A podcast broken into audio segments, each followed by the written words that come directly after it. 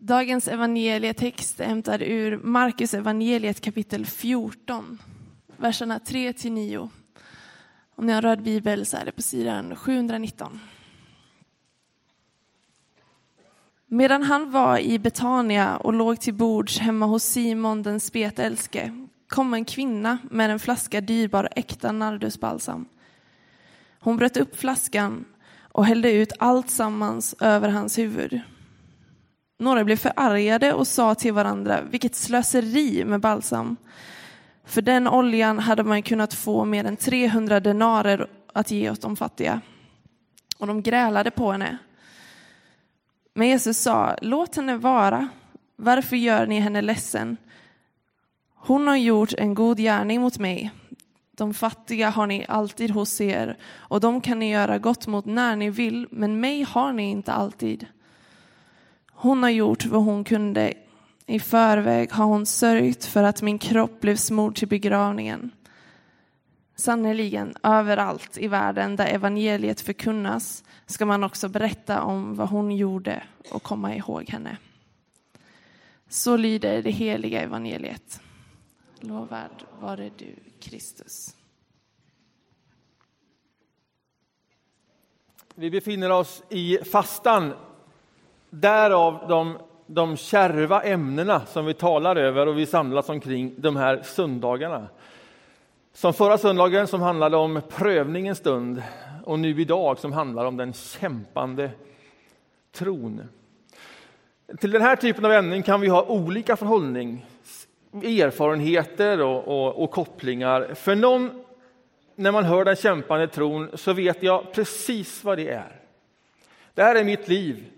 Det här pågår lågintensivt hela tiden, utan liksom slut. Och någon annan säger, nej lågintensivt utan slut, det är inte mitt ord. Det är mer som en blixt från en klar himmel, från inga frågor till alla frågor på en gång. Och någon annan känner, nej jag vet inte riktigt hur jag ska förhålla mig till detta. Trons kamp har jag inget förhållningssätt till. Och det är helt okej. Okay. Men lyssna ändå med ett öra. För var inte förvånad om det någon gång i ditt liv också blir en fråga för dig. Jag var på en fantastisk konsert i fredags kväll. Marcus och Martinus. Det var jag och alla 12, 13, 14-åriga tjejer. Och vi skrek oss hesa hela kvällen. Det var en magisk stämning. Och bredvid mig satt en pappa i min egen ålder. Och så fort konserten började, eller lite före det, så plockade han upp sin mobiltelefon. Och sen satt han och spelade ett bilspel hela tiden. Vilket var obegripligt för oss andra. Men helt okej. Okay. För han satt nog ändå där mitt i allting och lyssnade med ett öra. För ibland lämnade han sitt mobilspel och tittade över det som hände och var med i det. Så får man känna också över den kämpande tron. När uppstår den kämpande tron? När blir tron kämpande? Vi hörde ju läsas en fantastisk berättelse, en text, en profetia från Jesaja här innan några av lovsångerna, från Jesaja kapitel 61. Extremt hoppfulla ord som Jesaja ger. Guds ande fyller mig. Herren har smort mig.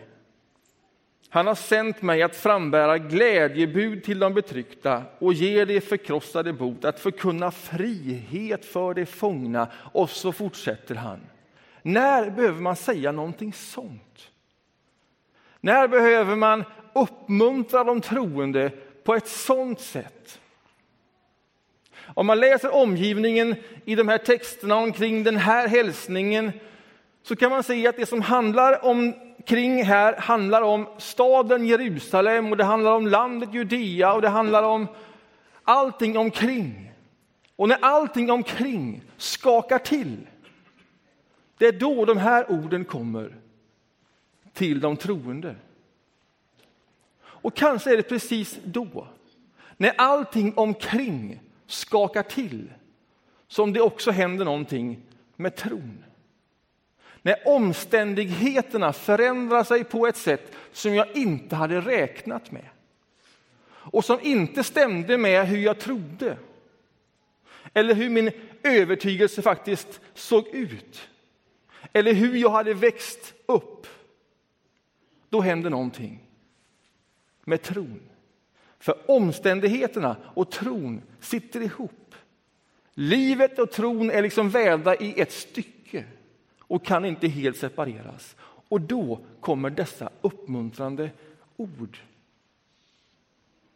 Ett nådens år. Jag ska koncentrera mig på evangelietexten som vi hörde läsas och den berättelsen där. Vart utspelas det som vi hörde läsas? I en liten by, Betania. Det står mer specifikt än så. Det utspelas i ett hem. Och det är mer specifikt än så. Det utspelas kring ett bord.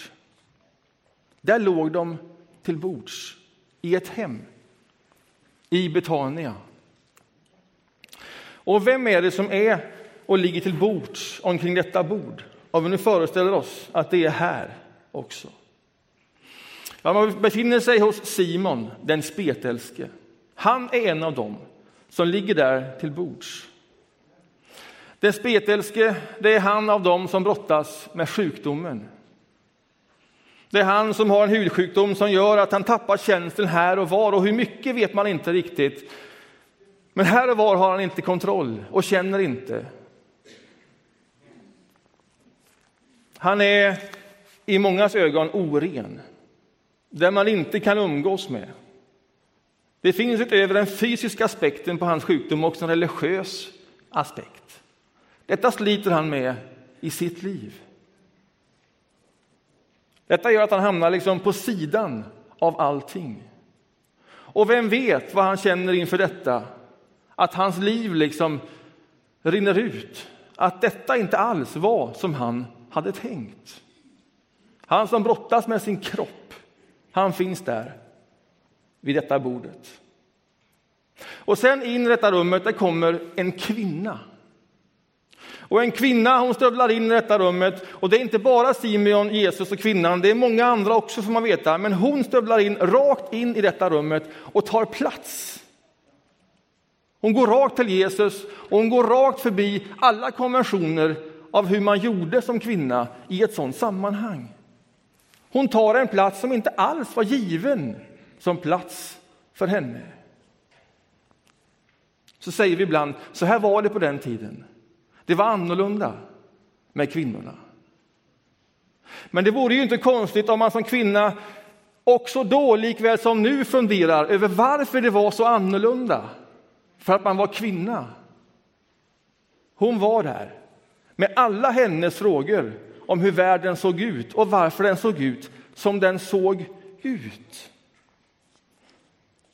Men det var inte bara de två det står precis innan att det här händer två dagar före påsken. Och de skriftlärda säger till varandra, vi måste hitta på något sätt att få fatt i den här Jesus, att sätta åt honom, att komma åt honom, men inte på högtiden, det är för mycket folk där. Utan här nu innan. Och då kan man ju tänka sig att de där hade smugit sig med i det här sällskapet och där sitter då, eller ligger Jesus vid bord med Simon den spetälske och med denna kvinna som stövlar in. Där hade de allt de behövde för sin situation. Allt vad de behövde för att komma åt Jesus.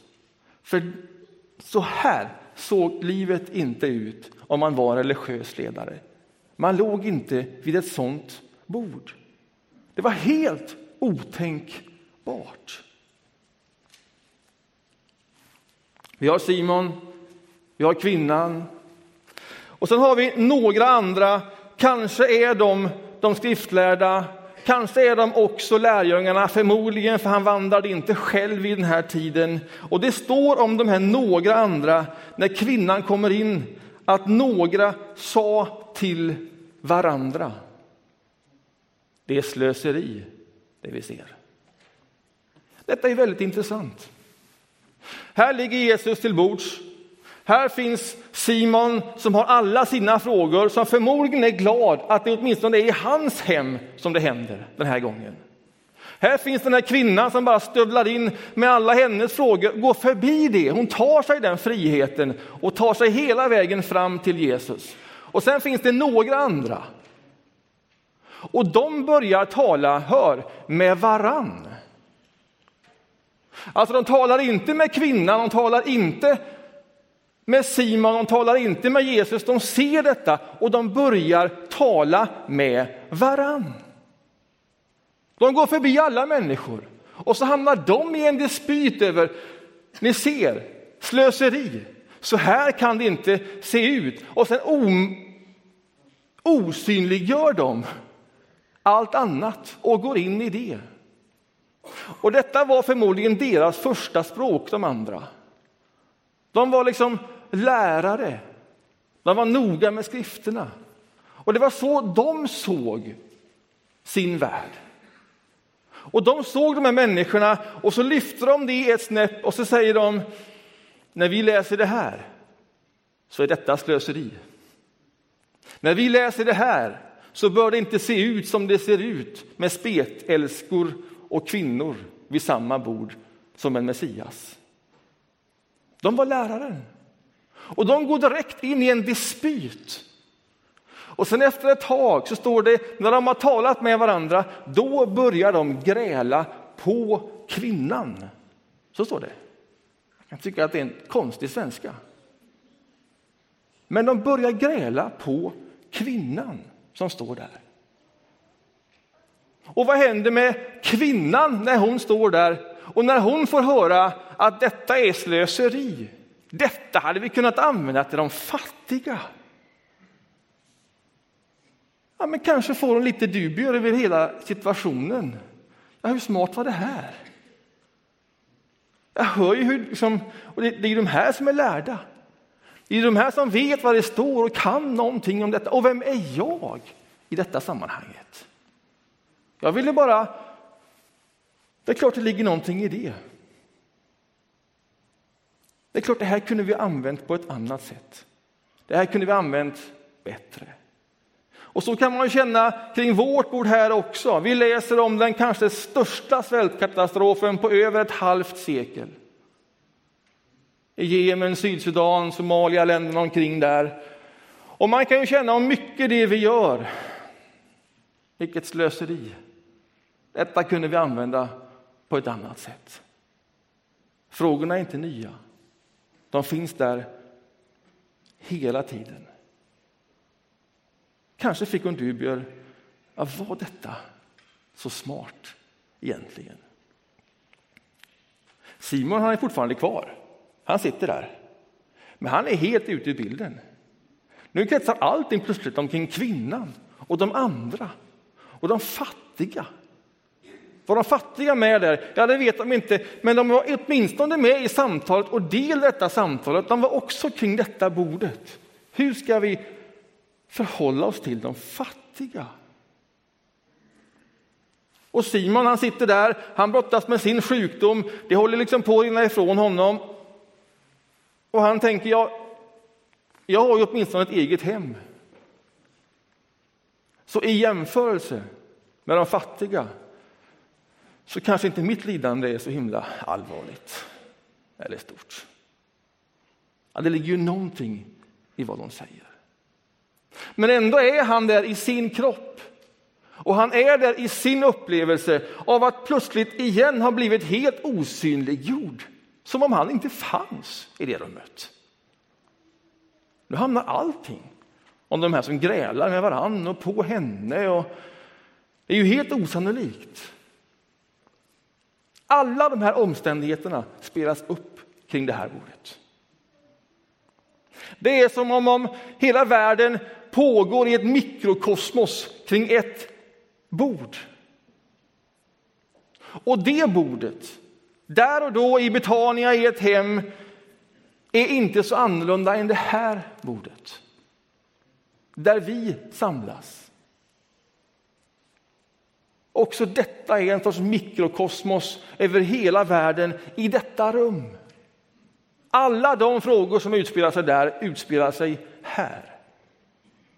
Här finns vi som brottas med vår kropp eller har en nära som gör det och så funderar hur i hela världen ska jag göra med detta? Är det slut nu? Ska jag behöva leva så här? Här finns den av oss som funderar över alla sorters rättvisefrågor. Ska det se ut så här? Här finns den av oss som känner i det här sammanhanget blir jag alltid osynlig och jag fattar inte varför. Här finns den av oss som känner det är konstigt i det här sammanhanget så är det alltid så att vi råkar i luven på varann. Det är som att vi alltid tycker olika.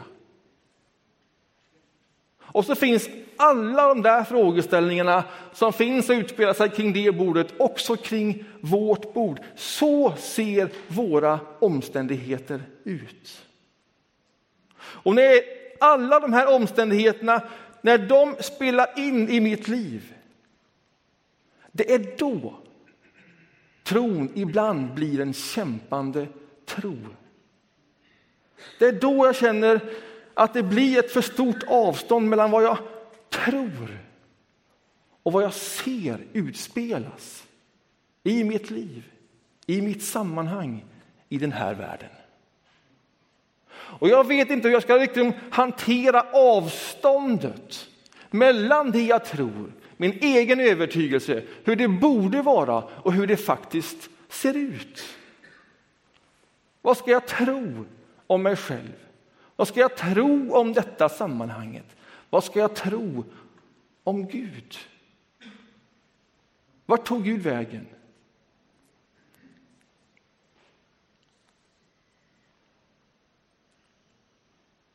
Finns det något evangelium kring detta ord? Eller är det bara en kämpande tro? Nej, det finns ett evangelium. Och det är det alldeles uppenbara. Kanske det alldeles, alldeles för enkla. Men det finns där. I allt det som utspelar sig i våra liv. I allt det som skapar frågorna. I allt det som skaver, vad det än är. Och det alldeles enkla, det är att Jesus är där. Det är kring det bordet som Jesus ligger.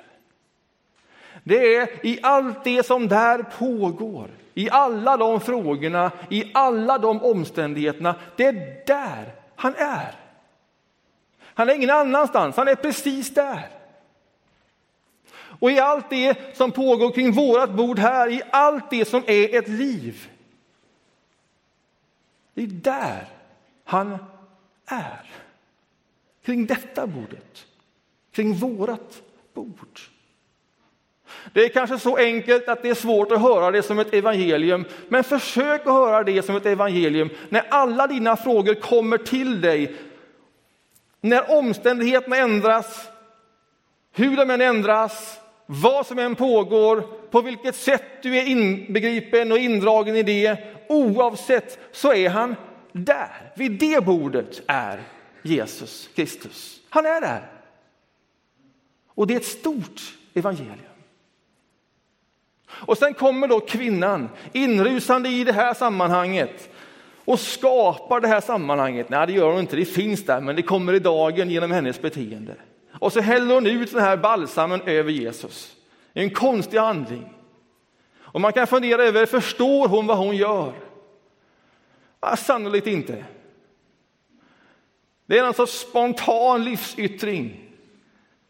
Hon har en känsla för vem han är. Och hon följer den känslan, den aningen. Kan det här vara någonting? Ja, det kan nog vara någonting. Jag har hört någonting, jag har sett någonting och det räcker för henne för att ta någonting som för henne är dyrbart och bara lägga det där fysiskt hos honom. Och när hon gör det, det är då hon skjuts ner kring det här bordet. Och det är då Jesus kliver in. Han är tyst ända fram tills dess. Men när han börjar gräla på henne, då säger han lägg av. Låt henne vara. Och så säger han någonting ytterligare. Hon har smort min kropp inför min begravning. Det som hon har gjort, det ska man tala om långt efteråt. I alla sorters sammanhang. Som i en liten kyrka i Göteborg. Det är ju helt osannolikt. Han tar denna handling som hon inte fullt ut själv förstår vidden av. Hon gör någonting därför att hon har sett någonting utifrån sitt liv. Jag måste få komma i kontakt med honom. Hon lägger det som är värdefullt hos honom. Han tar det till sig. Han skyddar henne i det. Och sen sätter han hennes handling i ett stort sammanhang. Han förmerar hennes lilla gåva i sammanhanget och säger det som hon har gjort. Och så flyttar han in det i Guds hela frälsningshistoria. Det är att förbereda mig för min begravning. Visste hon det? Det är klart hon inte visste. Förstod hon vidden av vad hon hade gjort när han sa det? Det är klart hon inte förstod. Men han förstod det. Och han valde att göra hennes gärning så stor. Han tog den, han placerade in den i ett mycket större sammanhang än vad någon kring bordet hade förmåga att ta in och förstå. Så hanterar han det lilla vi kommer med till honom. Och det är så vi lever i alla våra omständigheter, där vi inte förstår, där vi inte tycker lika, där vi grälar på och med varann. Där kroppen inte längre bär. I alla våra omständigheter. Och när vi inte riktigt vet vad vi ska tro om det, vad gör vi då? Vad är en kämpande tro? Jo, det är att trots det, eller i ren protest mot det, närma sig han som faktiskt är där. I allt det. Och sen går vi dit och vi gör det i tro och bara att vi kommer till honom, det är en handling i tro. Om än så litet.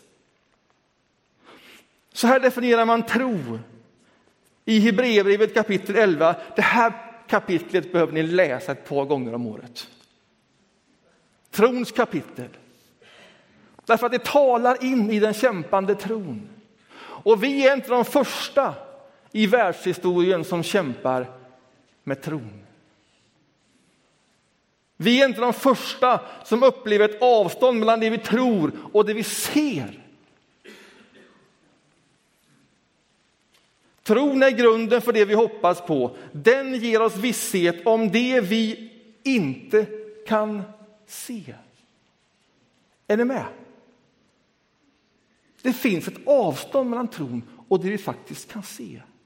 Och när det blir för stort, oavsett fråga, då händer det någonting. Då vacklar det till.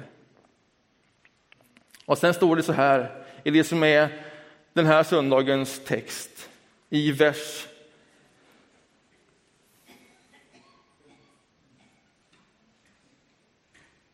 Tjugosju. Det här är magiska ord. I tro lämnade han Egypten. Nu är det Moses som man tar som exempel på en kämpande tro. Och han fruktade inte kungens vrede, utan höll ut. Alltså bara det är ju ett ord. Han höll ut i allt som var. Varför gjorde han det? Jo, därför att han liksom såg den osynlige. Är inte det storslaget? Att den store giganten Moses håller ut. Och hur i hela världen orkar han hålla ut? Jo, han orkar hålla ut därför att han liksom såg den osynlige. Det är ju vagt i överkant.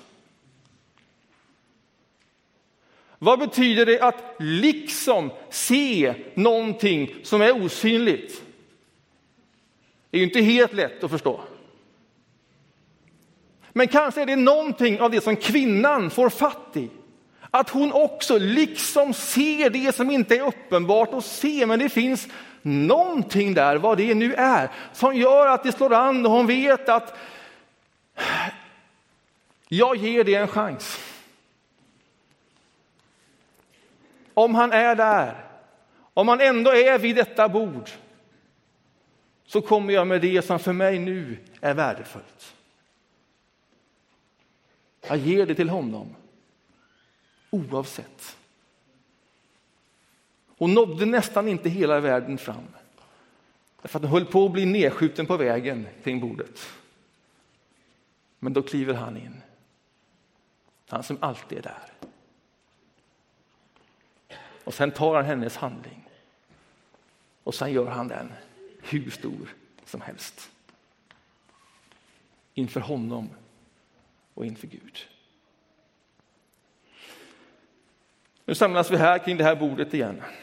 Ja, jag har sagt det flera gånger nu. Det här bordet är inte annorlunda än det vi läser om här. Här finns allt. Här finns allt. Också detta är ett mikrokosmos i hur livet ser ut. Och vid detta bordet, där finns också han. Och vi kommer fram med det som är våra liv. Och bara att komma fram hit för att ta emot bröd och vin, det är att bära sin lilla balsamflaska inför honom. Lägg den till honom. Och sen tar du emot det som han vill ge dig. Och det han vill ge dig i din kamp kanske du detta nu inte förstår. Och du behöver inte heller förstå det. Gör det bara som en handling i tro. Gör det som en protest om du behöver det. Gör det som ett sätt att hålla ut. För att du på något sätt liksom har sett någonting av det som nästan inte går att se. Det räckte för Moses. Det räckte för kvinnan. Och av det blev något storslaget. Hon förstod det kanske inte då, men likväl någonting storslaget. Amen.